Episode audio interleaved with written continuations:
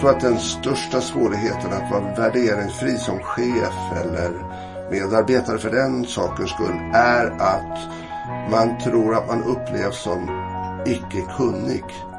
Man tappar sin roll eller är rädd för att man tappar sin auktoritet genom att visa att man har intagit en icke-vetande position som man kan kalla det för. Då, då.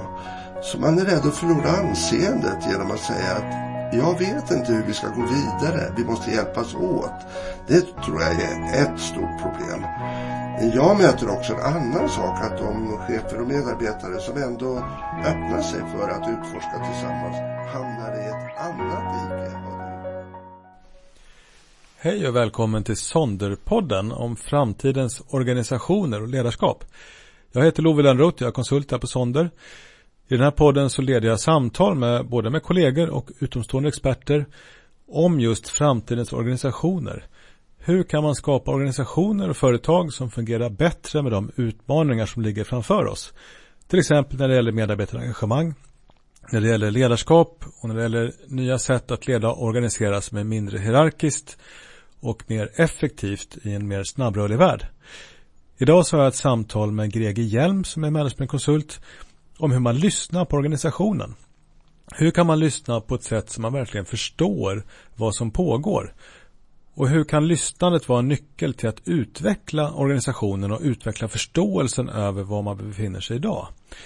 Det har vi ett avsnitt om och innan jag släpper på Greger så vill jag också göra lite reklam för vår hemsida sonder.se Där hittar man mängder med material om organisationsutveckling och om ledarskap. Det finns både bloggar och det finns poddar och det finns guider som man är mycket välkommen att botanisera i. Mycket nöje. Hej Greger! Hej! Välkommen till Sonderpodden. Tack så mycket. För andra gången. Andra gången. Ja, det är inte många ska jag säga som har fått göra två.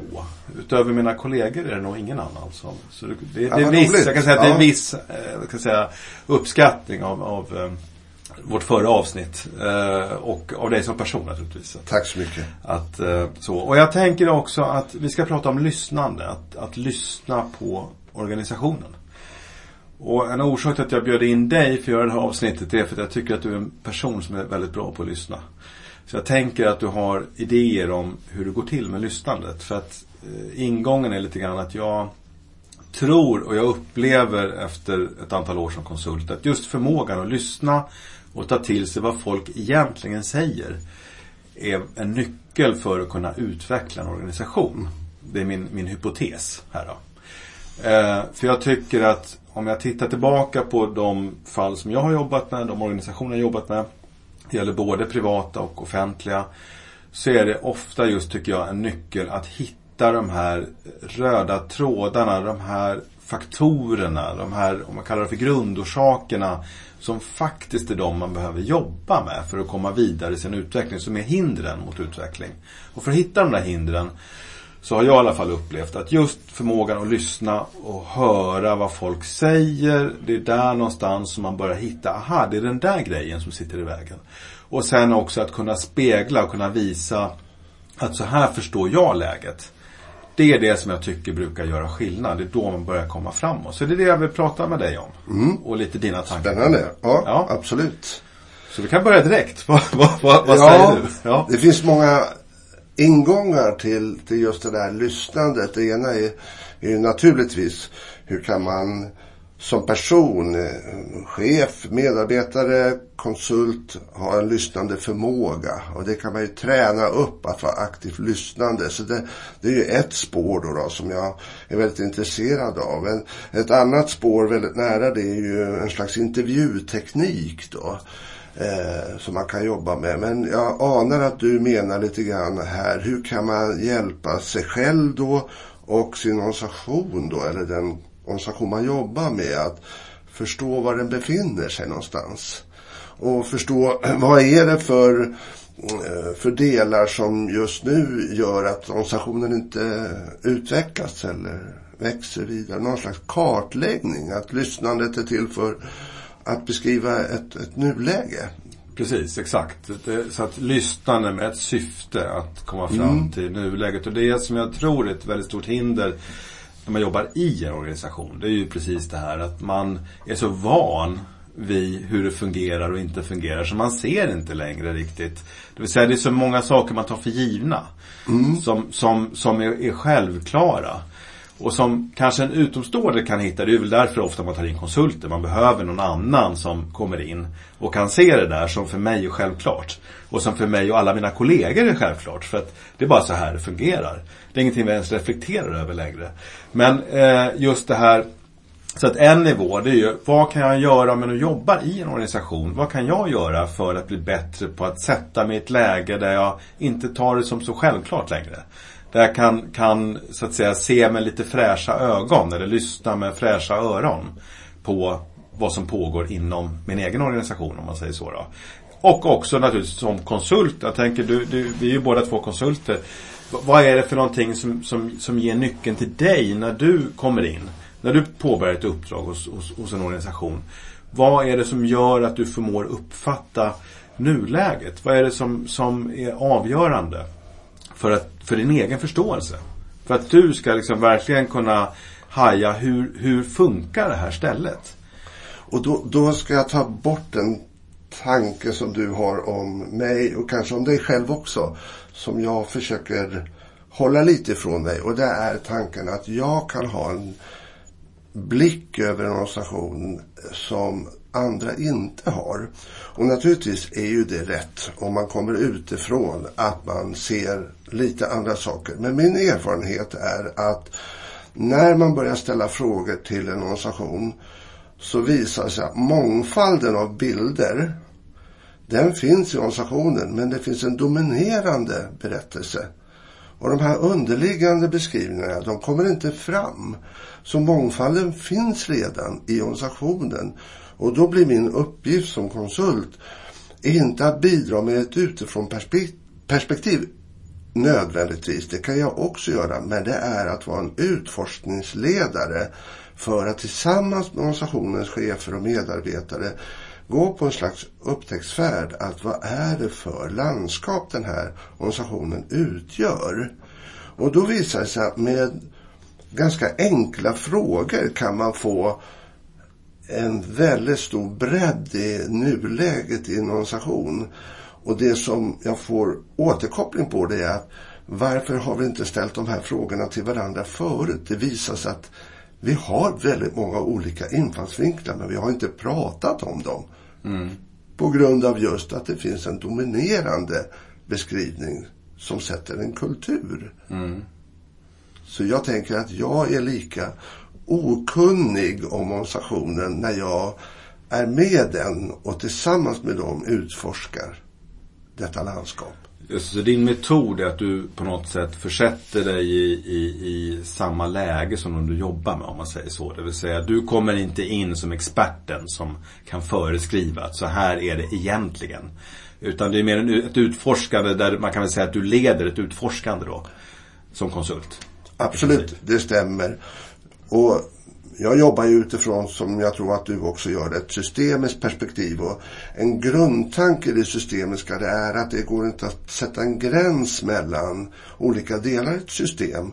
Om jag då som konsult kommer in i en organisation så är jag en del av systemet. Ja. Och jag blir ganska fort indragen i olika sätt och olika delar i det då. då. Jag kan ju behålla ett utifrån perspektiv naturligtvis. Men jag tänker mer att det är olika universum som möter varandra. Och den här multiversen, den gör att vi får upp ögonen för olika saker som vi inte har pratat om. Och då, det som händer då, det är att landskapet utvecklar sig. Mm. Det blir större. Mm.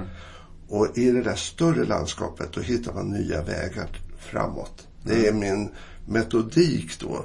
Och det som jag tror händer också i det mötet är att det blir inte en konsult som kommer som har andra glasögon och som kan hjälpa oss. Jag gör ju det förstås, men då ställer jag det som hypoteser. Att jag har sett det här, kan det vara någonting? Men jag ger inte en så att säga, färdig bild av att ni verkar vara där.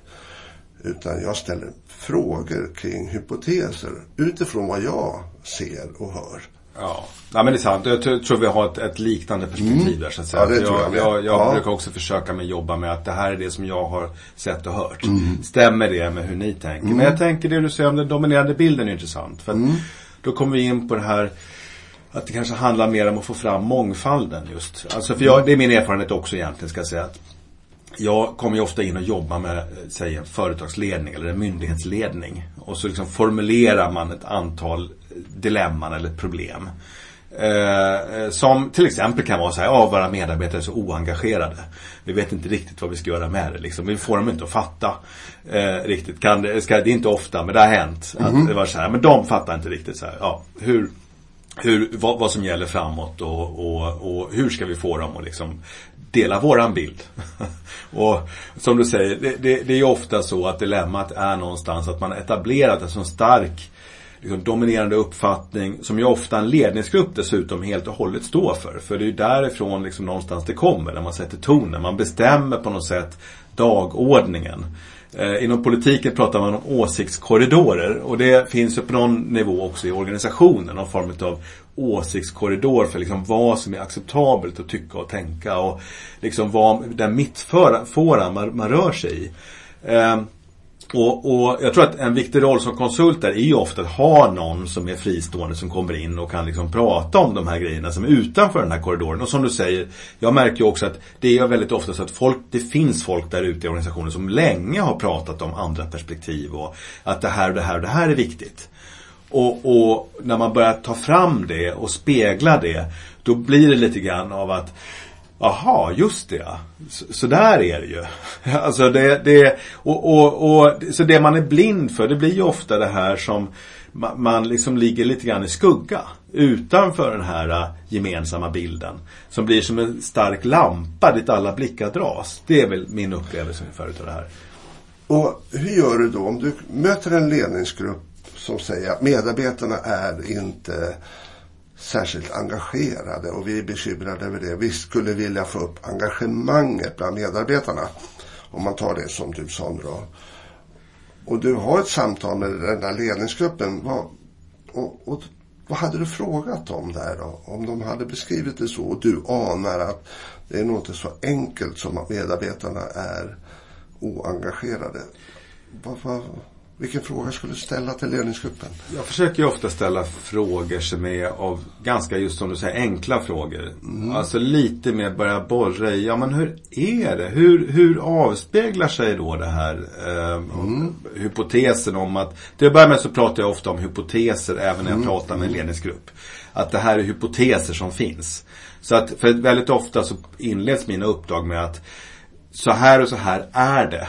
Och då brukar jag försöka vara noga med att säga att det här är en hypotes.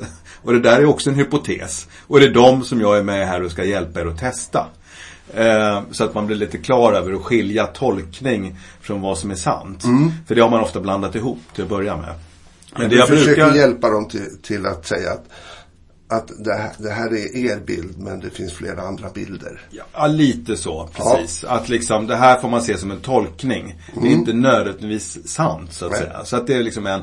Men sen brukar jag försöka mera komma fram till att börja med, med mer faktabaserade frågor som är...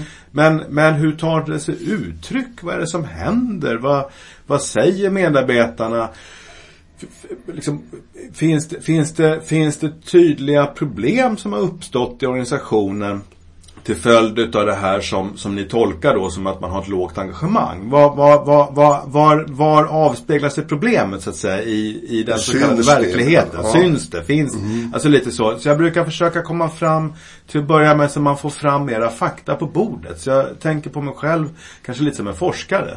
Att, att jag har en farfar som var, var, var känd historiker och han brukar alltid prata om den här vikten av källkritik och vikten av att liksom få fram fakta. Och, och det är, är någonting jag har hållit, tagit med mig mycket. Att försöka få fram, så att säga, men vad är fakta? Vad, vad är det som faktiskt händer? För sådana här påståenden om att han och hon är inte engagerade, eller de är inte engagerade. Alltså de är ju svåra att belägga bara rakt av. Man kan ju inte se på människan. Så du, du frågar efter tecken eller, eller när händer det eller på vilket sätt syns det att, eh, att medarbetarna är, är utifrån er horisont eh, mindre engagerade än vad de borde vara. Precis, får, får man, har man kundklagomål som stöder det här? Mm. Har man, har man eh, gjort enkäter och det har man ju ofta gjort och medarbetarundersökningar och liknande som ger stöd till det här. Så jag försöker ofta hitta vad finns det för tydligt stöd för hypotesen. Och om man hade frågat dem efter den fakta, så att säga, insamlingen, att vad tror ni det beror på att de är mindre engagerade än vad ni vill då som ledning. Vad tror du att ledningsgruppen hade svarat? Helt hypotetiskt nu då. Men... Ja. Eh, ja, vad, jag, vad jag tycker jag ganska ofta hör när jag pratar med ledningsgrupper så är det så här att man upplever att vi har förstått någonting. Det vill säga vi har, har, har eh, förstått hur kunderna fungerar, vart vi är på väg som organisation våra mål, vår riktning och så vidare. Så vi, vi fattar det. Vi som sitter i ledningen här så att säga.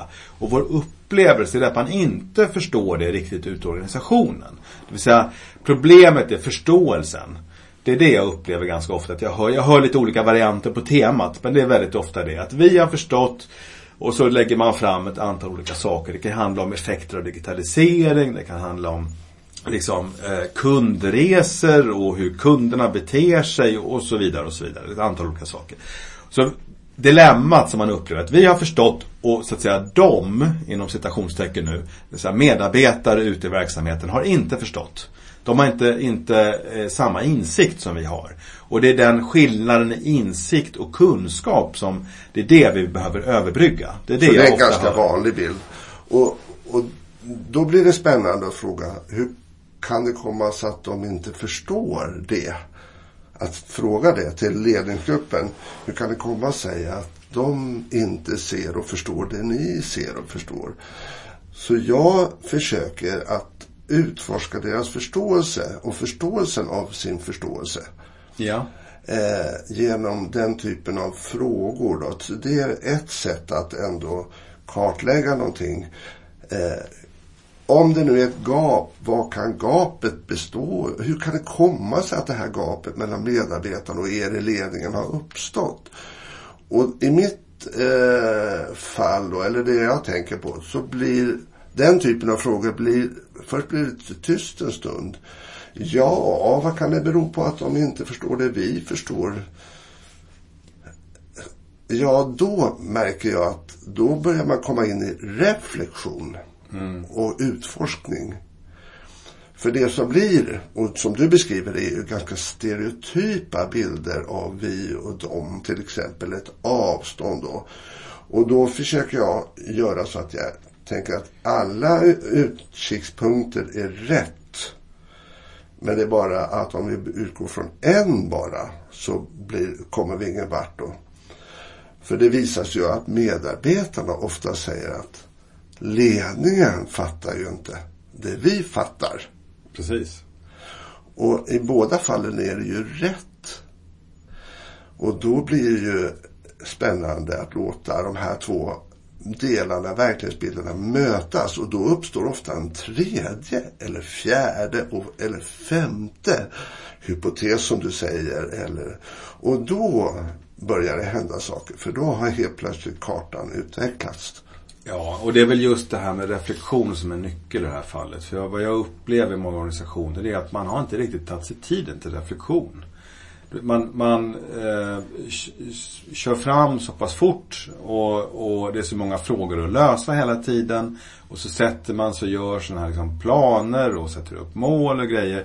Och, men man har inte tagit sig tiden till att reflektera så att säga inom organisationen och, och sammankalla folk och ha någon fungerande dialog internt. Och det är ju ofta den bristen egentligen på dialog som jag tycker uppenbarar sig just i det här fallet där man har olika bilder i olika delar av organisationen. Olika perspektiv och det är ju inte så enkelt som att det bara är ledning och medarbetare utan vi har ju många olika grupperingar här för vi har ju också då Eh, till exempel typiskt då staber, någon form av stödavdelningar kontra då den så kallade operativa verksamheten eller linjen. Där skiljer det sig åt. Man kan ha ibland i vissa verksamheter också lite grann det här tjänstemän och arbetare fortfarande kvar som en, eh, liksom en skillnad i perspektiv. Eh, och sen kan vi också ha olika funktioner, vill säga marknad och kommunikation och HR och så vidare. Och, och där upplever jag också att väldigt ofta är det så här, ja men kommunikation, de fattar inte och de är inte med. Liksom, de, de, de, de, är lite ut, de är lite konstiga, de, de är inte riktigt med det här. Eller tvärtom, att det är någon annan eh, del av verksamheten som andra upplever som lite udda och lite märklig och, och så vidare. Och det är väl just det här dilemmat att man har lite grann eh, sina olika konversationer eller dialoger inom respektive gruppering och inte mellan. Utan man liksom li, lite blir lite fast i sina olika skyttegravar eller silos pratar man ju ofta om. Och det är det jag tycker man ofta ganska snabbt kommer fram till. Att man får fram och, och just börja jobba med det här. Att hur kan man koppla ihop dem, utforska, få dem att sitta gemensamt. Jag jobbar ofta med workshops där man försöker liksom koppla ihop flera olika perspektiv så de finns i samma rum och pratar med varandra. Och börja upptäcka lite själva att jaha, just det, så här tänker ni. och, och en viktig del för att få den dialogen, mötet mellan de här olika perspektiven då. Det är ju ett värderingsfritt förhållningssätt. Det vill säga att få ledning och medarbetare eller vilka funktioner det är nu man möter att, att utforska värderingsfritt. Det vill säga inte försöka komma fram till en, en gemensam hållning, en gemensam slutsats då. För att då smalnar blicken då. Så det jag försöker göra det är att säga låt oss nu i det här arbetet vi jobbar med nu då vara värderingsfria, det vill säga inte försöka bestämma oss, inte försöka övertyga någon annan, utan det är mångfalden av perspektiv som tillsammans skapar en helhet. För utifrån mitt sätt att tänka kring organisation så kan inte den bästa ledningen eller den klokaste medarbetaren själv ha överblicken. Men det är i multiversum, när de olika universumen möts, som man tillsammans får den större bilden. Och där kommer man ju till det som är din grundfråga i det här samtalet.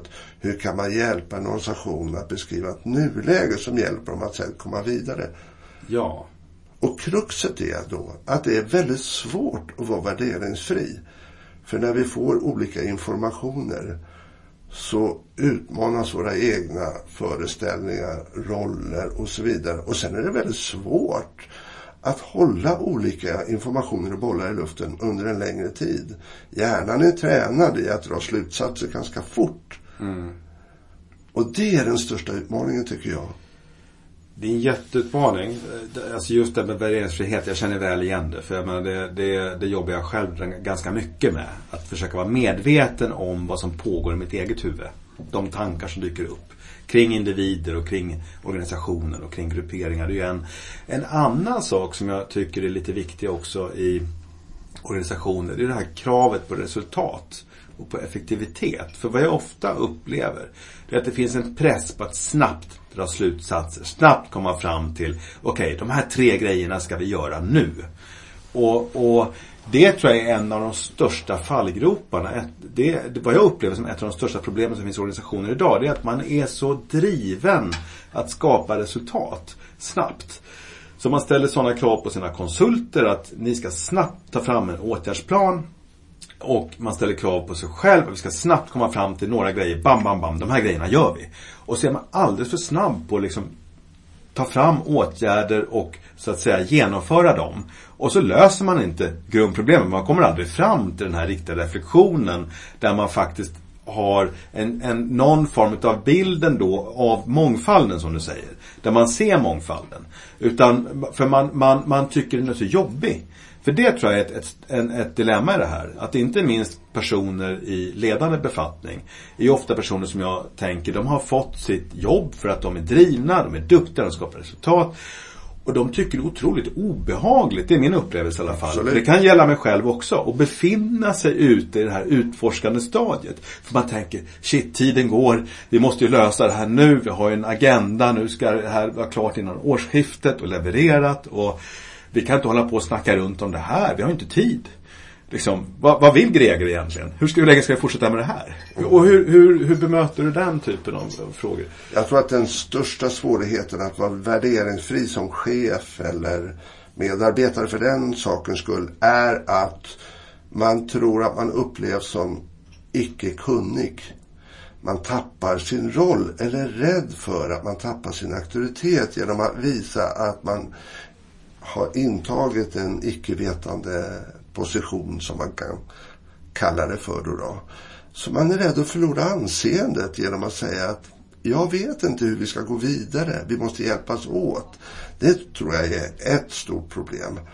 Jag möter också en annan sak att de chefer och medarbetare som ändå öppnar sig för att utforska tillsammans hamnar i ett annat dike än vad du beskriver mm. eh, också. Och det är att de aldrig kommer till handlingsplanen. Nej. Därför att det blir så väldigt trevligt utforskande där man, när man lägger undan prestigen att faktiskt eh, vandra i det här landskapet tillsammans, ha dialoger och reflektioner. Och då får jag hjälpa den här organisationen att dra slutsatser mm. utifrån en ny kartbild. Och det kan vara lika svårt för att då ska man börja värdera. Och då kan det ju till och med vara så att vem äger frågan? Det är ju inte säkert att medarbetarna tillsammans bara för att de har fått vara med och reflektera. Utan då kanske det ska in i ett mer strukturerat system om roller och att det är ledningsgruppen till slut som fattar beslut. Då.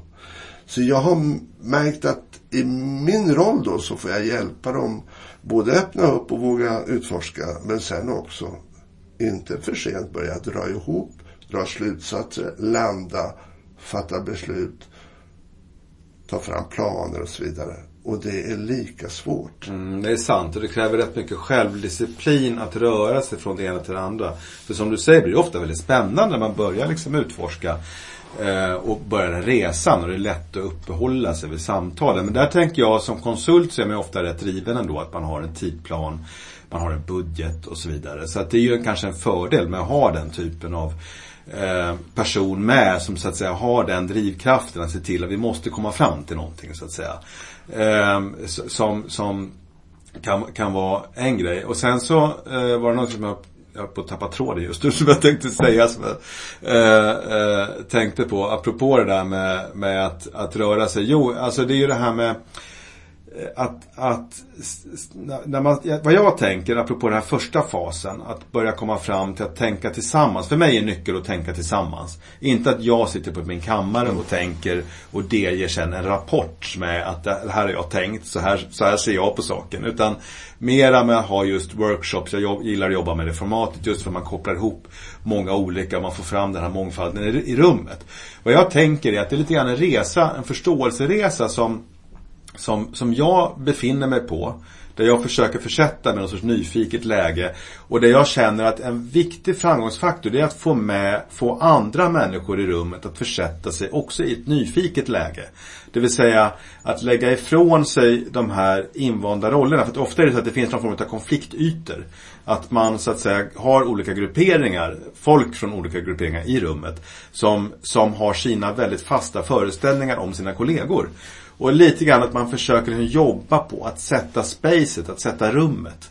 Att, som gör att man på något vis befinner sig på resa tillsammans. För det märker jag att det, det är ofta någonting som krävs för att man ska börja öppna upp. Att man kan bryta upp de här mm.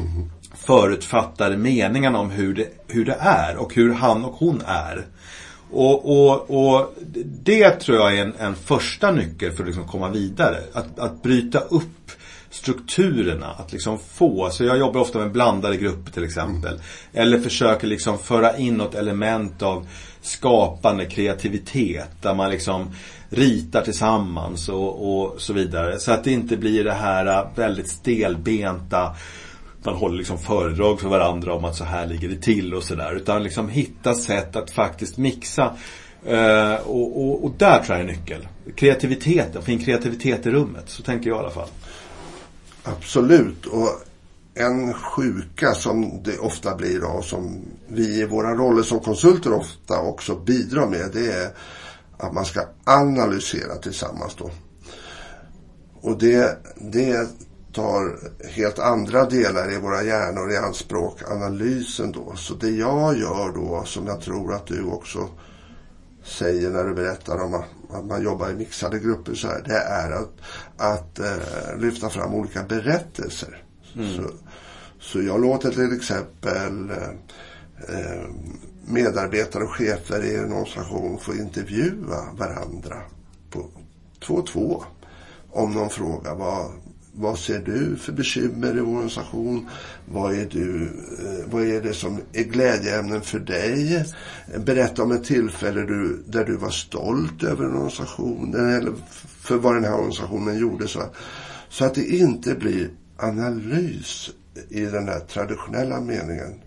Utan det blir att utforska varandras berättelser. Och då får man ju sätta upp någon form av spelregler. Att det är inte att man behöver dela samma upplevelser. Men i det att få lyssna på varandras upplevelser och berättelser om vardagsnära saker kring organisationen då få fram otroligt mycket material som man sen naturligtvis kan fånga upp och göra till någon mer traditionell analys då. Mm. Så förutom det värderingsfria då jobba mycket med att fånga upp berättelser eller upplevelser utan att värdera dem då förstås. Då. Det är för mig också en framkomlig väg. Då. Absolut, och det är ju en, en metod. När jag tänker på metoder där. Jag, jag jobbar mycket med intervjuer ofta. Mm. In, inför att man ska hålla någon sån här workshop. Och intervjuerna syftar dels förstås till min egen förståelse. Men sen syftar det mycket till att skapa förtroende. För, för, alltså man säger så, för, för mig som processledare. Det här. För att jag märker att när jag har gjort ett arbete, och det gäller särskilt när jag jobbar med högre befattningshavare. För där finns det ofta mycket misstro och mycket prestige och sådär. Så är det nödvändigt att liksom komma lite under ytan och, och få ett förtroende för mig. För då märker jag att det funkar så mycket bättre sen när jag kopplar ihop dem och har de här övningarna man sitter tillsammans. För då finns ett förtroende till mig som någon form av processledare och att man vågar öppna upp. För man har börjat öppna upp så att säga i intervjun, om man säger så. Så, jag, jag, jag, så, så, det finns ju lite sådana här nycklar som jag tror det gäller att hitta. För jag tror att förtroende är ju en, en nyckel för att folk känner sig trygga. Att man känner sig tillräckligt trygg i gruppen för att våga lite dela med sig och vara öppen och så vidare. Det är då man kommer framåt. För när det, när det är rädsla och otryggt, då blir det låst. Det är då låsningarna mm. oftast uppstår, så att säga. Absolut. Sen kommer jag att tänka på när du säger det där att det, det finns också eh, en annan metod, även om det du och jag pratar om just nu inte bara är metoder, men att låta olika funktioner i en organisation ställa frågor till varandra. Att det inte är jag då som ställer frågor som man ska utforska eh, och titta närmare på. Så jag kan berätta att jag jobbade med en avdelning i en organisation här i våras då. Och eh, det var fyra enheter på den här avdelningen. Och eh, då gjorde jag så här att varje enhet då, de fick formulera två frågor till de andra tre enheterna. Mm. Och rubriken, alltså sammanhanget, det handlade om samverkan. Så man hade det som överskrift över det arbete vi gjorde då. Så att enhet A fick fundera en stund på vilka två frågor ska vi ställa till enhet B och vilka två frågor till enhet C och D. Mm. Och likadant gjorde de andra. Och sen träffades alla dessa grupper och så lyssnade vi till vilka frågor har nu fått grupp, grupp A fått från de andra? Ja. Och vilka frågor har grupp B fått? Och de skrev jag upp. Ja. Alla såg frågorna. Ja. Sen då så intervjuade jag varje enhet. Inte vilka frågor de hade fått. Inte, det var inte det de skulle svara på. Utan de skulle svara på hur kommer det sig att de andra grupperna har ställt de här frågorna till er. Okej. Okay. För de var naturligtvis nyfikna på att svara på frågorna. Men ja, det fick ja. de inte. Nej. Utan de fick reflektera över hur det kan komma sig att grupp B ställde den frågan till oss. Vad säger det om oss? Vad säger det om grupp B? Mm. Och det som händer då, det är att man utforskar interaktionen och samspelet mellan de här grupperna från ett lite metaperspektiv. Mm, mm. Och det, då händer det någonting. Och där tror jag då att chefer och konsulter och utvecklingsledare kan hjälpa en organisation att ställa frågor till varandra men inte nödvändigtvis svara, svara på frågorna utan utforska lite vad det ligger bakom de där frågorna. Ja, ja. ja men det där är en jättebra eh, metod skulle jag säga. Mm. Kalla det för. Men jag tänker då att um, sen är ju nästa frågan att man, man kan inte uppehålla sig för länge utan man behöver gå vidare. Man behöver liksom som, skapa handlingsplaner och så vidare. Men vad jag tänker, för vad jag upplever starkt det är så här att eh, organisationer som lyckas med det här, om man kallar det för lyssnandet, att förhålla sig värderingsfria och att, att nyfiket pröva hypoteser utan att fastna i sina tolkningar upplever jag som, som mer framgångsrika, det är i alla fall min bild av det. Att, att man snabbare löser olika frågor, man snabbare kommer ifrån konflikter, man gräver inte ner sig, man skapar resultat ganska snabbt. Så för mig så är det här en fråga också om effektivitet. Mm. Att det är ett otroligt mycket effektivare sätt att funka på.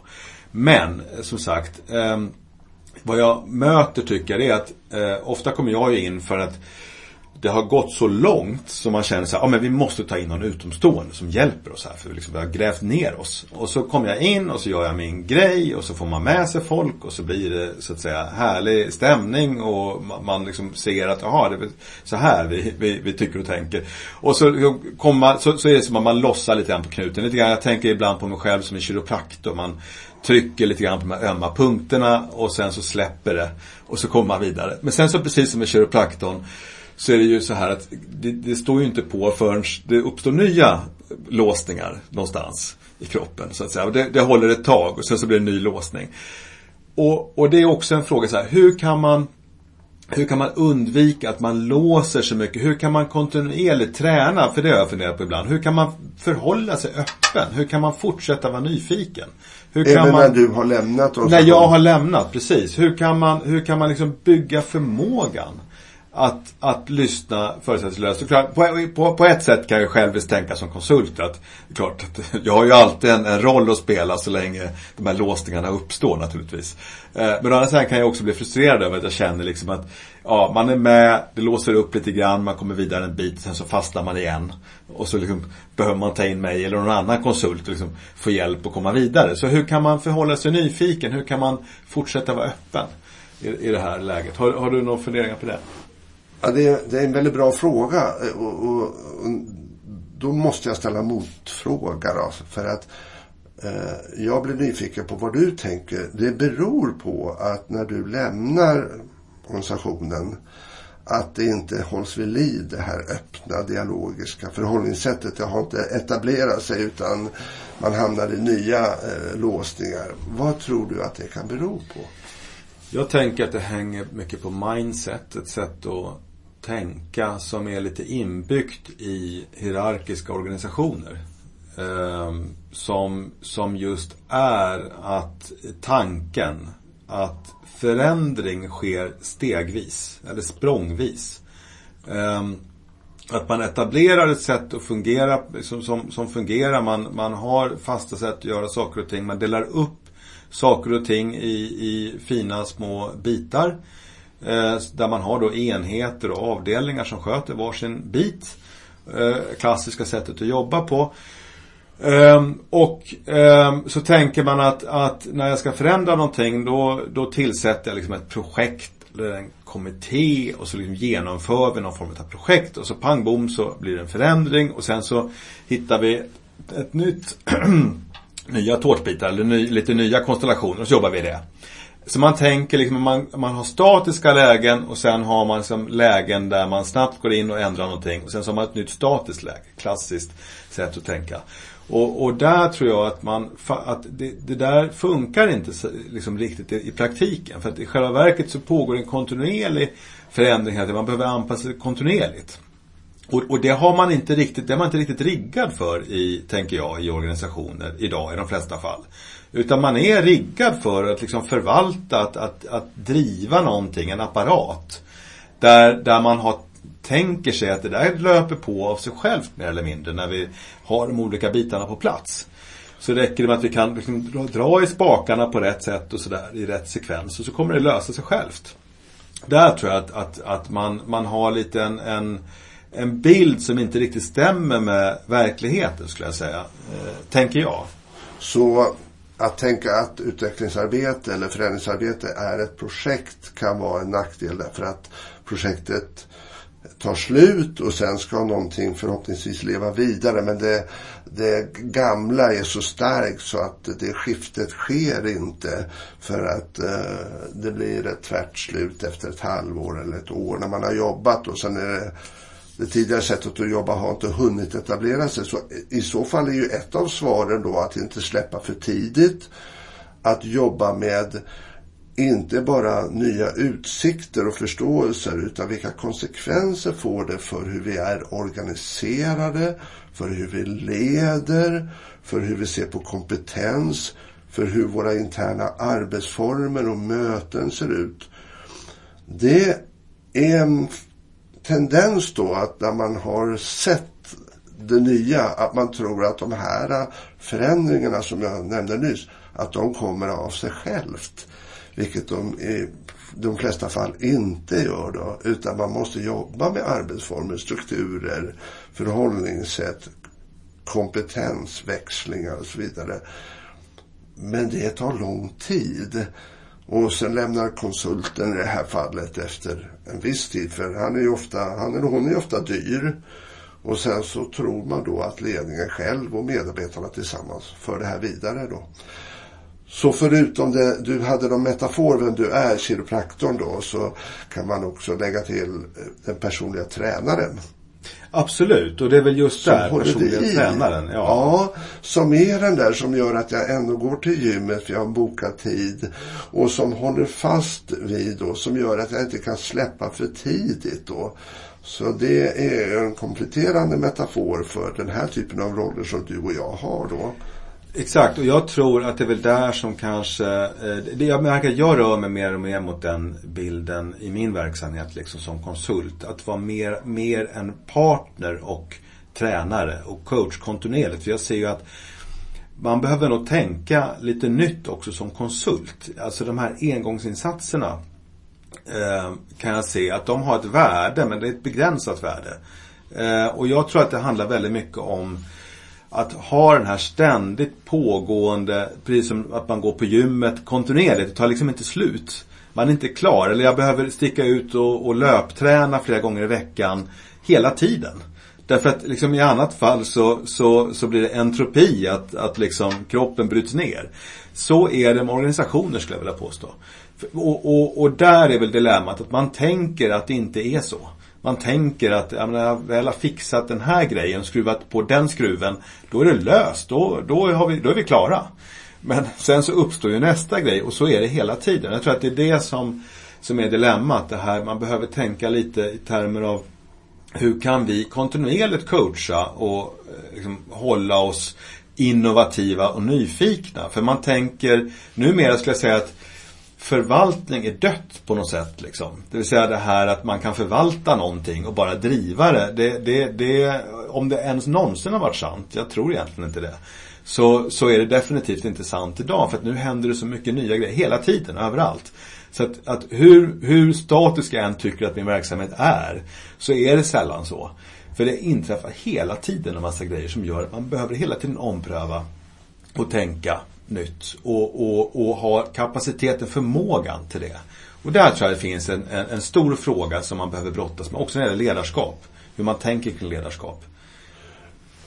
Kopplat till det då, då så har ju jag en käpphäst också eh, som är att människan, individen och organisationen behöver utvecklas parallellt, samtidigt. Mm det som ofta blir fokus på förändringsarbete i organisationer och företag, det är organisationens utveckling. Och så tänker man, även jag, att individerna får väl göra sin egen resa kring sitt eget arbete. Men det visar sig då att om man inte ger utrymme i förändringsarbetet för individernas eh, egen personliga utveckling, då kommer de vara kvar. Organisationen försöker gå vidare men organisationen tvingas tillbaka till det gamla därför att man har tänkt att individerna måste sköta sig själva. Mm. Det visar sig då att de chefer som tar tid att coacha individerna att göra skiftet och, och följa sina medarbetare under en längre tid kring skiftet som de behöver göra. Mm. Då händer det någonting. Men chefer tänker att de utmana integriteten hos medarbetarna genom att vara en coach till medarbetarna. Eller så har de inte tid att coacha sina medarbetare. De får väl ta ansvar för sitt då. Men här tror jag det är någonting som är en stor möjlighet att få det här att leva vidare då. Man kan inte överlämna till individen att själv ansvara för sin del.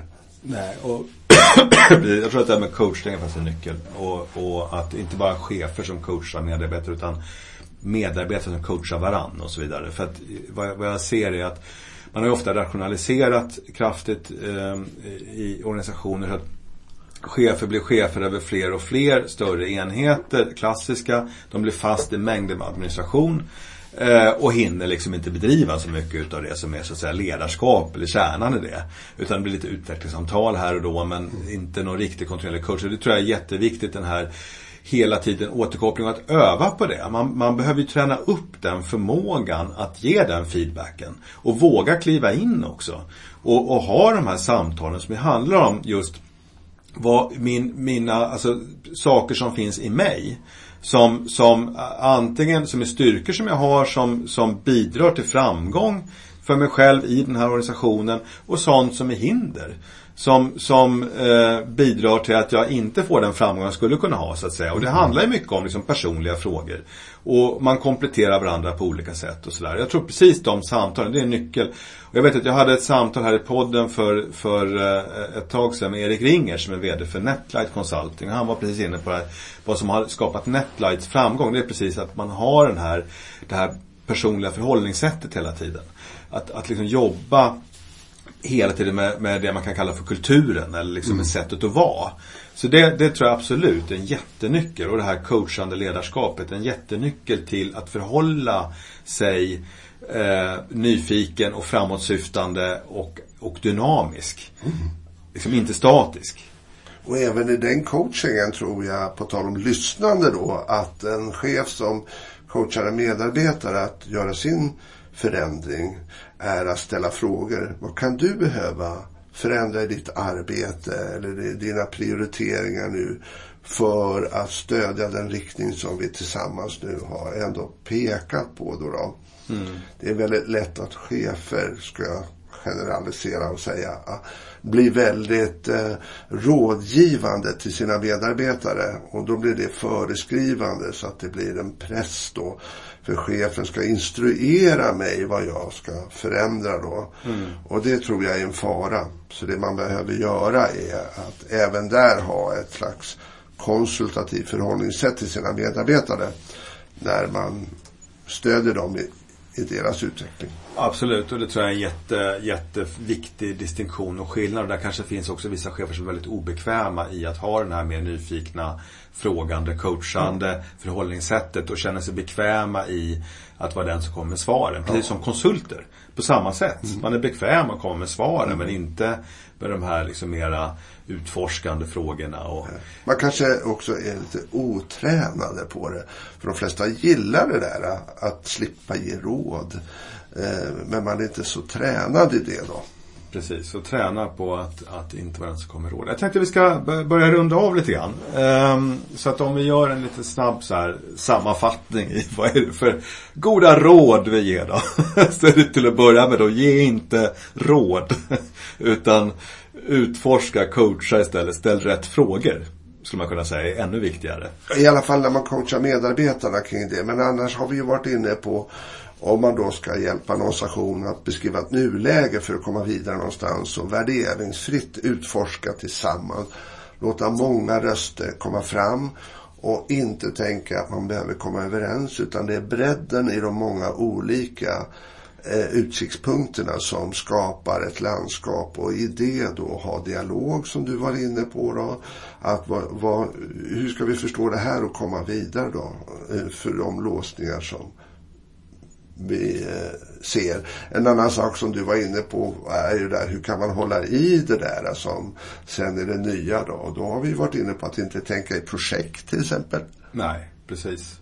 och att coacha individerna i deras utveckling. Så det är några saker vi har varit inne på. Ja, absolut. Och mångfalden var vi inne på det här mm. med att liksom egentligen bejaka mångfald, en idémässig mångfald och en mångfald i organisationen. Att man, man, man jobbar med olika saker, man befinner sig på olika ställen så att säga. Men, och kunna se det där och där inte fastän, vi pratade från början, den här en bild av hur det är och hur man är. Utan försöka hålla fast vid att det finns en mångfacetterad, mångfacetterat landskap. Och, Multiversum pratar vi om, eller hur? Ja, ja. och inte eh, så analytisk i sin karaktär i det här utvecklingsarbetet utan jobba med, med det narrativa, det vill säga berättelser, erfarenheter, upplevelser. Eh, Eh, och fånga upp det. Det har mycket mer information i det än den här mer traditionella analystanken då. Mm. Och jag ska säga också förresten, vi börjar prata lite om medarbetarnas engagemang som många upplever som ett problem. Jag kan säga att det som jag upplever är just att när man väl har lyckats ställa de här frågorna. När man väl har fått in de här människorna i samma rum och pratar med varandra. Vad som uppstår då, det är när folk känner att de är lyssnade på. Att de får ge uttryck för, för sina tankar. Att, att kollegorna lyssnar. Att man liksom har någon sorts geme- man, man uppnår en känsla av gemenskap. Det är då engagemanget uppstår som, som magi. Plötsligt blir folk jätteengagerade och tycker det är fantastiskt och jättekul. Det är väl därför också man så lätt fastnar i att man så att säga, inte vill gå vidare till att liksom börja oh. göra verkstad utav det där och, och liksom sätta, sätta nya mål och så vidare. Utan man vill gärna vara kvar för det är en sån härlig känsla. Och, och, så jag tror att nyckeln till engagemang är väldigt mycket det här. Att man, man har liksom någon form av nulägesbild som är värderingsfri. Där man inte känner att man blir inmålad i ett hörn. Där mm. man inte känner att man liksom är dömd.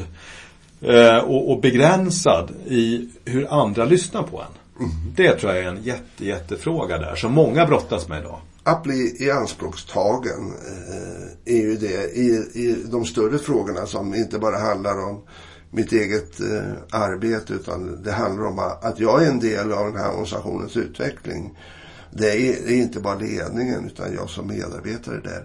Och kan en ledning bjuda in till det då, då är ju det en av faktorerna för ett starkt och gott engagemang. Ja, så är det. Vad bra, jag tror vi avrundar där. Det gör vi. Ja, tack så mycket för idag Greger. Tack själv.